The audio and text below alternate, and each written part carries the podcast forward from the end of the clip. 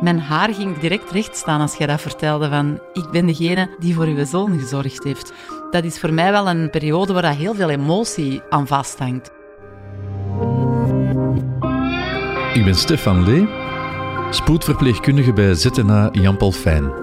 Sinds 1998 ontmoet ik elke dag tientallen mensen. Met een mug of op de spoeddienst zelf. Dat zijn in veel gevallen heel intense ontmoetingen. Maar even snel zijn die patiënten weer weg. En achteraf vraag ik me altijd af, hoe zou het nu eigenlijk met hen zijn? Daarom de podcast 112 Verhalen van op Spoed. Een productie van Stef en Wim van Lee in samenwerking met het Nieuwsblad. Waar ik de mensen opnieuw ontmoet weg van sirenes en de geur van het ziekenhuis. We zijn uh, in Borgerhout vandaag. Ik ben hier omdat ik op bezoek kom bij iemand die ik in 2007 heb ontmoet. 2007 was voor mij een, uh, een periode in mijn carrière waar ik een, uh, switch heb gemaakt. Ik dacht na tien jaar werken op spoed, goh, tijd voor iets anders. En ze zochten verpleegkundige op de PICU. PICU dat is de kinderintensieve zorgen voor kinderen van 0 tot, uh, tot 16 jaar. Dat was een uh, bijzondere periode toch, ook al heeft die maar drie maanden geduurd.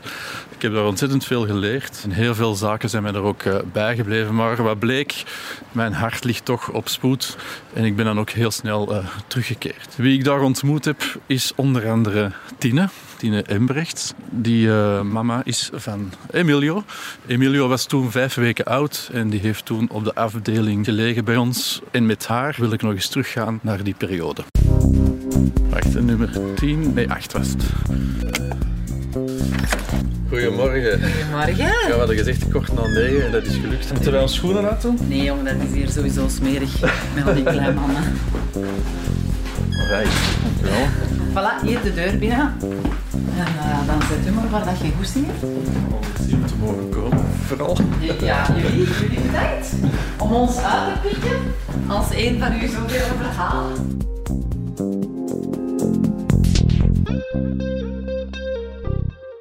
Goedemorgen, Tine. Goedemorgen. Ik was eigenlijk van plan om, om hier gewoon de deur binnen, te huis vallen. te vallen. En ik had uh, het idee van, kijk, ik vraag gewoon aan Tine Embrechts. Tine, ken je me nog? Natuurlijk, nu is dat een heel stomme vraag, want ondertussen, ja, ja, we hebben elkaar ontmoet. Hè? ondertussen ja. elkaar toevallig ontmoet uh, bij vrienden in de voortuin met een vuurkorf. Ja, een glaasje wijn erbij. Die voilà. had je mij vast. Je dacht, Tine, ik, kende mij nog. Ja, kende me nog. Wel, ik vertel u waarom ik u graag nog eens ontmoet. Ja, ik zou u niet herkend hebben, denk ik. Ik moest er voor de deur gewoon gestaan Nee, dat lijkt mij ook logisch, want uh, het was ook een heel andere setting dat we elkaar voor de eerste keer ontmoet hebben. Ja. Het gaat terug naar 2007. Ze, ja, eind 2000. Ah, was Ja. het al 2000? Het was ja, de jaarwisseling. Het was de jaarwisseling, hè. dus Ja. 2006 Na begon het allemaal een klein beetje mis te lopen met jouw zoon Emilio. Alleen Ja. mislopen, dat is een groot woord. Ja, toch? En in 2007 lag hij op de intensieve zorgen Ja.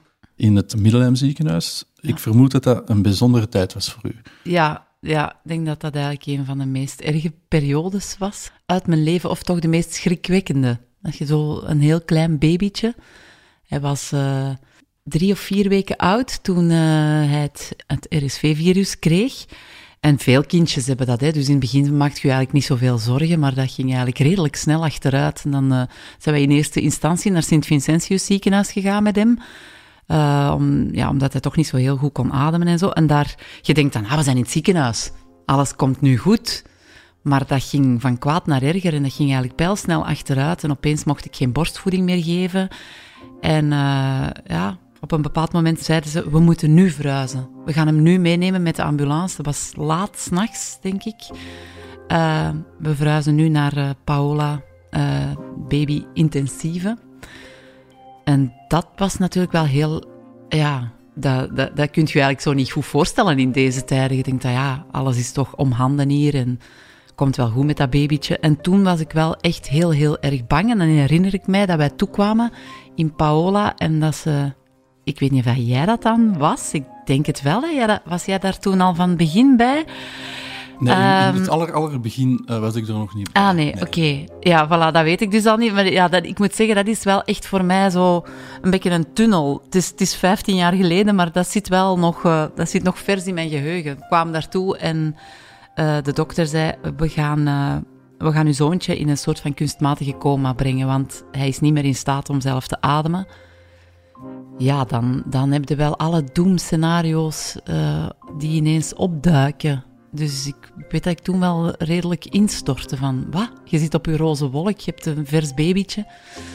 Uh, en ineens hoort je dat. Dan, dan ben ik in een soort van uh, ja, vreemde, vreemde tunnel terechtgekomen, ik kan het niet anders zeggen. Van eigenlijk dagen en nachten daar zitten heel veel afkolven. Uh, uw kindje zien dat dan heel veel verschillende buisjes en sondes langs alle kanten uh, uh, en bakken waar dat slijmen in terecht kwamen. En daar ben jij ergens opgedoken. Ja, dat klopt. Begreep je als leek, als kerstverse mama, zoals gezegd, op de roze wolk, begreep je wat er eigenlijk echt allemaal aan de hand was en wat er allemaal gebeurde? Ik had wel vertrouwen. Het voelde wel alsof het goed zou komen. Maar goed, je bent een verse mama en dan zijt je al sowieso op een moment in je leven waarop dat je veel kwetsbaarder bent, veel fragieler. Alles komt al harder binnen, dus en het was dan ook zo in die kerstperiode. Ik denk dat dat de dag na kerstmis was dat wij uh, met Emilio naar de kliniek zijn gegaan. Uh, ik herinner me dat we oudjaar daar op de intensieve gevierd, tussen aanhalingstekens, hebben. Uh, ja, en dat zijn zo dat, de momenten waarop dat je normaal met je vrienden en je familie... En ik zat daar ineens in iets en ik was wel, ik was wel echt bang. Ook al werd er wel aangegeven van, komt wel goed... Maar ik, ik was wel echt heel bang. Als je zo terugdenkt aan, aan, aan, aan die tijd, je ziet inderdaad je kind liggen aan al die buisjes, aan die, aan die machines die lawaai maken, alarmen maken. Je kunt wel gerust zijn in de omgeving, maar binnenin maakt je toch zeer ongerust, ja, ik. Ja, en ik ben wel echt een mama die... Ja, ik vind dat heel belangrijk om mijn kind... En, ik, heb er, ik heb er nu vier en ik heb dat bij alle vier echt zo lang mogelijk gedaan om die borstvoeding te geven. Zo die, dat, dat contact met dat kindje echt zo dichtbij. Ik vind dat ook een van de mooiste dingen wat er is op de wereld. Om zo je kind echt zo heel dicht, dicht bij u te hebben. En dat, dat weet ik dat ik dat echt het allermoeilijkste vond. Ik denk dat ik hem gedurende een paar dagen niet mocht aanraken. En dat, dat vond ik echt hartverscheurend. Want ik had op zich wel vertrouwen in, in de wetenschap en al dat, dat dat allemaal goed zou maar het feit dat je... Daar maakte ik mij ook zorgen over. Wat gaat de impact op dat kind zijn? Het feit dat ik die nu gedurende een aantal dagen niet kan vastpakken, want dat is een pasgeboren kindje en die heeft zijn mama nodig. En, en dat, hoe kun je dat nu gaan compenseren? Dus ja, daar kon ik mij dan zo in vastrijden, in dat soort bedenkingen. En en, en ik voelde mij ook zo heel hard mijn best doen van oké, maar nu moet ik dat goed maken en zien dat ik genoeg moedermelk heb. En dan begin je stress te krijgen en dan gaat dat niet goed. Dan zit je thuis in het midden van de nacht met kolfmachines en naast dat bakje met die kolfmachine. Allee, dat zijn zo, ja, die beelden heb ik allemaal wel nog, uh, nog redelijk helder in mijn, in mijn hoofd zitten. Je sprak daar net even over, ik mocht geen borstvoeding meer geven. Het RSV-virus is eigenlijk een, een, vrij banaal virus. voor, mhm. voor, grote mensen en, en, grote kinderen geeft dat gewoon een, een, een, snotvalling, bij manier van spreken. Maar het is zo dat bij de allerkleinste uh, is het zeer uitputtend. En de reden waarom dat je geen voeding meer mocht geven, is omdat ze echt te vermoeid worden. Ja, dat en, te veel energie vraagt. Het vraagt te veel energie. Uh, kinderen krijgen dan echt wel ademnood. En uiteraard, het is allemaal goed gekomen, gelukkig. Hè? Het is allemaal goed gekomen, ja. En, en dat is een verhaal, en dat weet jij waarschijnlijk niet, maar ik, ik had een uh, klasgenootje, een ex-klasgenootje, die in diezelfde periode ook net bevallen was. En die, daar was ook van alles mis met dat kindje. Die lag ook in, op een andere afdeling, maar ook op de baby-intensieve. En ik herinner mij, en dat is hartverscheurend, dat de dag dat Emilio wakker geworden is is haar kindje gestorven. En dat is wel voor mij, daarom denk ik dat dat, dat is ook, dat ben ik uiteraard nooit vergeten. Ik, weet, ik zie mij ook nog met haar zitten in de, in de refter daar samen koffie drinken en het hebben over die kindjes. En ja, dat, zo de kwetsbaarheid van, een, van een mensenleventje. En hoe dat we daar als twee jonge mama's zaten en ja, voor mij is het uitgedraaid naar de goede kant, voor haar op, op dat moment naar de slechte kant. Dus het is, het is zo... Nu kun je daarop terugkijken en denken, ja, het was maar wat het was, maar het is toch, maar, het is toch zo fragiel.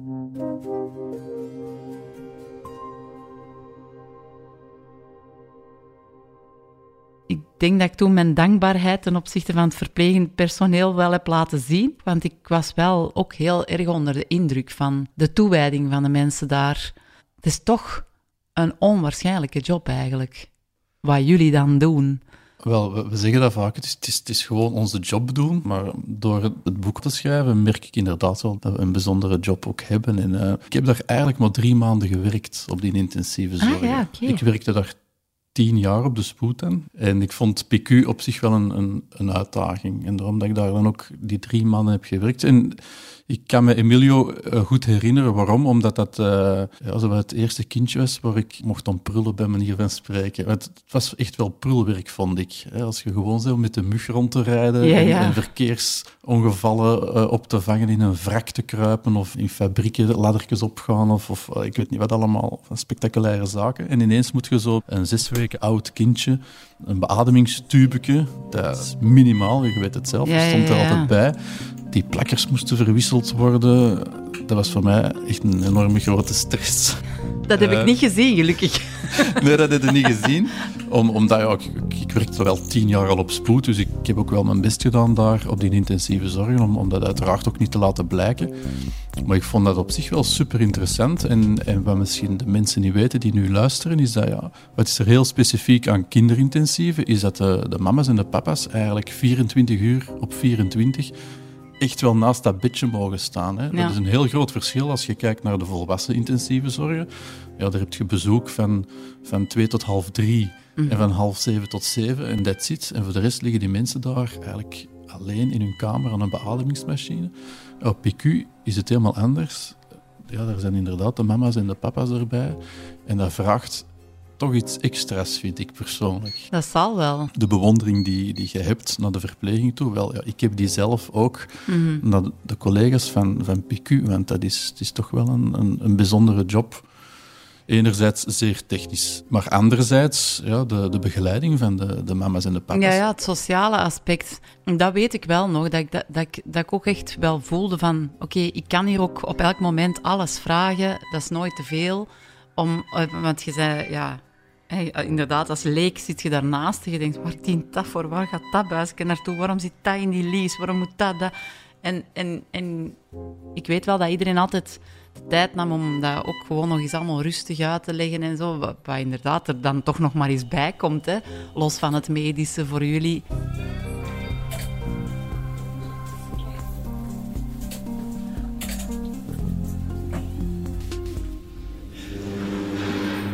We zijn hier in het uh, Koningin Paola Kinderziekenhuis. Van 2007 is het geleden dat ik hier enkele maanden gewerkt heb. Uh, en door samen met Tine even terug te gaan naar die tijd, uh, groeide mijn nieuwsgierigheid om, om de afdeling PQ nog eens te bezoeken. Ik heb afgesproken met Jurgen.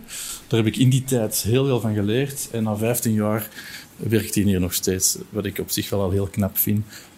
ik denk dat we daar ergens moeten bellen. Dat is toch hier, hè? Ja, PQ. Stefke. Dat is verdorie zo lang geleden. Kom even binnen wat de deur gaat toe. Oké, okay. goed. Wauw. Dat is onze nieuwe PQ, hè? Die, die nee, nee, nee, nee, nee, nee. Ja, in 2007 was het was ook nog een verdiep lager, denk ik. Hè? Ja, ja, dat was op gelijkvloers ja, Nee, tof zeg. Tof. Hallo. Nog bekende gezichten. Lelijk, hè? ja. Ik zeg nog bekende gezichten. Beetje speciaal toch, zo om hier... Uh... Ja, dat zal wel. Uh... Herinneringen. Uh, dag Jurgen. Stef, ja, bedankt dat ik nog eens de sfeer van de PQ mag komen opsnuiven. PQ, wat is dat eigenlijk en welke kinderen worden hier opgenomen? Ja, PQ is een uh, eigen afkorting van, het is in het Engels eigenlijk, Pediatric Intensive Care Unit. Want PQ, veel mensen kennen, weten niet wat PQ is uiteindelijk. Maar gewoon een kinderintensieve zorg. Wat ligt hier? Ja, we hebben hier kinderen van geboorte tot een zestiental jaar. Sommige kinderen die eigenlijk heel lang in het kinderziekenhuis gevolgd worden voor de een of andere aandoening, liggen hier ook wel eens tot 18 jaar. Wat ligt hier? Ja, dat gaat van luchtwegproblemen, um, ongevallen, anorexie, intoxicaties. Um, Stefan ben ik nog vergeten. Posterias. Ja, ja, posterias, die komen dan via de mug op de spoed, dan gaan wij op de spoed mee ondersteunen. Of op de afdeling zelf, we hebben hier onze mugkar aanwezig. Dus uh, bij een alarm vliegen wij hier even rond het ziekenhuis met onze uh, rea-materiaal. Wat dat dan ook heel vaak gebeurd is, want ja, alle kinderen worden niet in dit ziekenhuis opgenomen. Heel vaak uh, krijgen wij telefoon van andere ziekenhuizen die een kind willen doorverwijzen naar een PQ-afdeling. Dus dan gaan wij die halen ter plaatse met een arts en met ons PQ-materiaal. Het hoort niet te gebeuren. Kinderen tussen 0 en 16 jaar die intensieve zorgen nodig hebben. Ik heb me laten vertellen dat ook 2007, dat is het jaar dat ik hier uh, eventjes gewerkt heb, dat er toen ook een, een triestig hoog sterftegetal was. Uh, hoe ga je daarmee om? Uh, vooral veel praten met elkaar. Um, er zijn ook psychologen aanwezig, maar als team zijn we heel hecht op dat vlak ook van er gebeurt iets en nadien moeten even kunnen, kunnen alles ventileren. En het beste ventileren met elkaar. Thuis proberen we zoveel mogelijk niet mee naar huis te nemen eigenlijk. Maar ik zeg het nog eens, ja, we hebben zo'n toffe bende. Eigenlijk als je op zo'n afdeling staat, dan creëer je ook wel een, een soort van, ja, je hebt dezelfde interesses en, en je kunt ook alles tegen, we kunnen alles tegen elkaar zeggen, vooral. En dan heb je plots die seizoensgebonden RSV. Uh, ik heb dat zelf mogen ervaren ja. toen ik, uh, ik zat er middenin. En zo heb ik ook Emilio leren kennen. Inderdaad, uh, ja. Die RSV, wat is dat nu eigenlijk? RSV, afkorting is respiratoire syncytieel virus. Dat is eigenlijk een virus waar dat wij allemaal een snotvalling van krijgen, is goed hoesten, en wat koortsig zijn en na een paar dagen zijn we genezen. Maar dat, dat geeft eigenlijk taaie slijmen. En vooral bij kleine kinderen, minder dan een jaar, of soms ook iets grotere kinderen die zowel luchtwegproblemen hebben. Die slijmen die worden taai, als gevolg dat je longblaasjes verstopt gaan geraken. En als je niet krachtig die slijmen kunt weghoesten, dan gaan ze ademhalingsproblemen krijgen en die kinderen moeten heel zwaar werken om gewoon te kunnen ademhalen. Met als gevolg dat die ondersteuning nodig gaan hebben na een tijd. Tegenwoordig hebben we de high flow, nieuwe eigenlijke behandeling, waardoor dat we kunnen voorkomen dat er heel veel kinderen geïntubeerd moesten worden, gelijk zoals het vroeger was. Ik denk toch wel van de RSV's die we op intensieve hadden liggen, dat we bijna 80% moesten intuberen. Als ik dat nu bekijk, is dat misschien nog 10%. Dus dat is wel een, een positieve evolutie. Ja, elke discipline in de verpleegkunde vraagt een aparte aanpak. Zeker ook hier. Dat was eigenlijk ook de reden waarom ik heel snel terug ben, ben vertrokken. Inderdaad, ja. Be begreep je dat ergens, Jurgen? Ja, ja, we zagen u binnenkomen. We wisten ook van waar je kwam. Spoedman. Dus we hadden direct zoiets aan. Tja, we zullen zien, maar we geven hem een kans. maar ook, ja, je stond graag op je mug. Die interventies. Je hebt hier ook acute interventies. Maar het is allemaal veel fijner werken. Alles is veel gedetailleerder. Je moet op heel veel letten. Je medicaties, als je niet juist berekent. Ah, dat is op de spoed ook wel, hè. Maar is veel rekenen, veel secuurder werken. Ik zie dat verschil ook als wij een, een, urgentie hebben, want wij, doen ook, wij gaan ook naar de spoed voor een reanimatie of slechte kinderen. Dan werkt veel bruter en veel, uh, veel vlotter eigenlijk op een duur. Ja, dus wij dachten wel zoiets van, dat gaat niet zo lang duren. Maar we hebben wel een goede band gecreëerd samen. Dus, we, we, zijn kameraden geworden. En, en ik, ik, wat ik me vooral herinner is dat ik echt wel op die drie maanden echt wel heel veel heb geleerd ook. Want ik had, ik had dan Allee, dat, dat, klinkt misschien heel raar, het geluk dat hier toen wel zeer zware pathologieën lagen. Mm -hmm. Nu, mijn vertrek kent ook een romantisch plot. uh, de verpleegster die mijn, uh, door mijn komst terug naar haar eigen afdeling mocht, die moest plots langer blijven. Die was zeer slecht gezind op mij, dat kan ik me ook nog herinneren. ja, ze was er niet content mee. Maar... Heeft een mooi einde. Wat is er gebeurd, Jurgen? Ja, wij zijn eerst samen op vakantie geweest. Dat was een leuke vakantie, zonder meer of wat, maar uh, nadien is dat tot iets moois uitgegroeid. Voilà, ondertussen is en ondertussen zijn wij, oh nu moet ik tellen hè, Stef, ja, dus, anders krijg ik... Simon was 11 jaar Dus wij zijn twaalf jaar getrouwd. Wauw, twaalf jaar getrouwd. En twee kinderen. Ik, ik weet nog dat ik op jullie trouw zelfs de, de ceremoniewagen mocht besturen. Dus voilà, het heeft ook nog een positieve kant op mijn kort verblijf hier. Ja, Jurgen, bedankt voor dit fijne gesprek. Uh, jullie doen ongelooflijk mooi werk hier, waarvoor mijn diepste waardering. Graag gedaan. Zijn er nog geluiden vandaag dat je denkt van, dat is precies terug die intensieve? Of... Ja, zo van die zo van die machines, dan, dat soms, kijk, allee, niet dat ik dat zo vaak hoor of zo, maar, maar of als je dat soms op tv ziet of zo, dan, ah ja, dan kan ik soms ineens teruggeflitst worden naar daar. En ja, het zijn zo beelden of zo. Het, zijn zo, het is natuurlijk al lang geleden, maar ja, ik, heb, ik zie ons ook nog zo oudjaar, oudjaarsavond daar staan.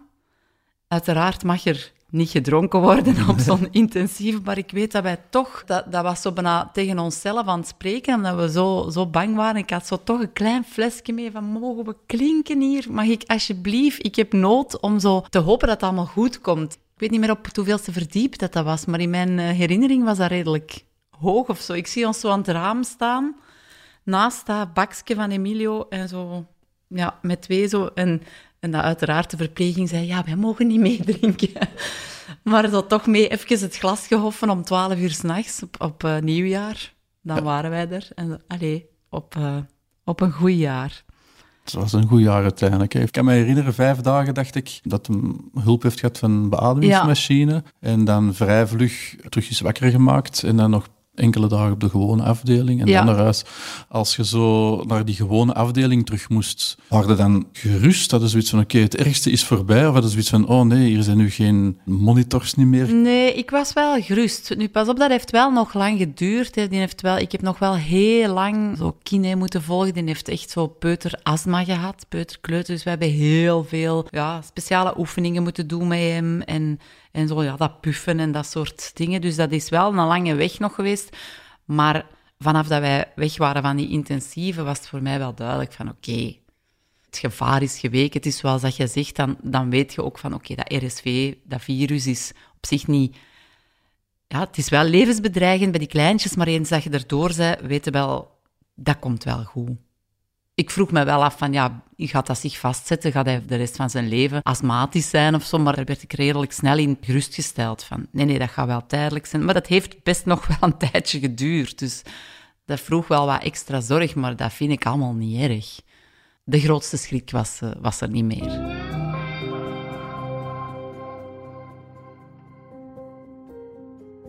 Ja, ik herinner mij het, het afscheid van, uh, van jullie samen, cactussen. Ja, we kregen dan wel een cactus. Dat is een halve Mexicaan, hè? Ja, dat is, voilà. voilà. Dat, ja, dat is zo voor iedereen, in plaats van suikerbonen, dat wij zo kleine potjes met cactusjes in. Ja, we vonden het heel tof, absoluut. Het was heel leuk.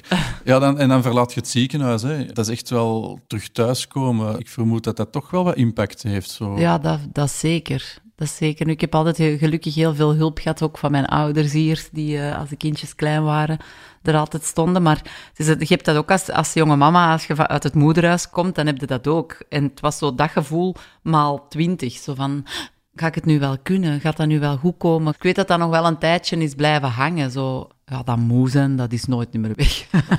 nooit meer weggegaan. Ik heb er dan nog een paar bijgemaakt. Later is... Uh... Uh, onbezorgd Emilio dan de eerste nacht gewoon in zijn bedje leggen en terug naar beneden komen, naar de living. Wou je nee nog tot zijn zes jaar bij ons geslapen, of het scheelt niet veel. ik heb vertrouwen in, in de dingen. Ik ben eigenlijk niet zo'n bezorgde mama, maar ik weet dat ik dat bij Emilio, in, dat heeft wel lang geduurd. Dat is ook zo nog altijd een beetje mijn, mijn knuffelbeer. Zelfs op zijn vijftien. Dus of heeft het er nu iets mee te maken of niet? Ik heb mij dat wel vaak afgevraagd. Soms nog, zo van, je ziet natuurlijk iemand evolueren, dat is ondertussen een jong volwassene. Maar wat de impact daarvan geweest is, van die periode in dat ziekenhuis. En ja, ik heb daar toch wel zo wat over zitten piekeren. Zo. Heeft dat niet een bepaalde impact op een kindje van maar een paar weken oud, dat je die dan... Ja, bij mij dat vooral het feit dat ik die dan niet kon bij mij hebben dat je zo'n kind uh, een volle week of tien dagen niet, niet, niet ten volle kunt knuffelen. Want ik heb, ik heb echt zo wel ik, ik, hou van baby's en ik heb, ik heb mijn baby's altijd zo in draagdoeken en zo dicht mogelijk bij mij. En, nu lag je ineens in een plastic bakje. Ja, en dat je je er bijna schuldig over voelt. Ik heb dat tien dagen niet kunnen geven. Ik heb dat niet, ondanks het vertrouwen in, in jullie hè, uh, en de goede, goede zorgen. Maar ik, ik weet ook, als je, als je dat nu vertelde vorige week of twee weken geleden, als we elkaar toevallig tegenkwamen, mijn haar ging direct recht staan als je dat vertelde, van ik ben degene die voor uw zoon gezorgd heeft. Zo. Dat is voor mij wel een periode waar heel veel emotie aan vasthangt of zo. En ik denk dat Emilio heel ontroerd gaat zijn bij het lezen van wat jij nu uh, geschreven hebt. Ja, vertel me eens, ik ben nu uw verpleger tegengekomen. Hè. Echt, wauw. Tine, bedankt om uw uh, verhaal te delen. Ja, en gelukkig blijft het bij een, uh, een, laten we zeggen, een nare herinnering. Ja, ja een nare, een, een bijzondere herinnering. Ergens ook een mooie herinnering. Ze. Het is zo in deze periode van corona, waar dat veel mensen eh, voor het eerst pas doorhebben wat een heftige job de verpleging inhoudt, waar we nu toch allemaal mee eh, geconfronteerd zijn geweest, of voor ons duidelijk gemaakt is. Ik denk dat ik dat toen wel echt gezien heb van wow, wow, die mensen die met zoveel toewijding en zo'n compleet absurde uren hebben en hier toch maar staan in het midden van de nacht met volle energie zich te geven eigenlijk en klaarstaan voor mensen die ze niet kennen uh, chapeau. Ongelooflijk veel bewondering. Tina, doe uh, Emilio heel veel groeten van Dat mij. Ga ik zeker Geef hem doen. een high five of een knuffel. Ja. Uh, en echt bedankt voor uw tijd. Graag gedaan.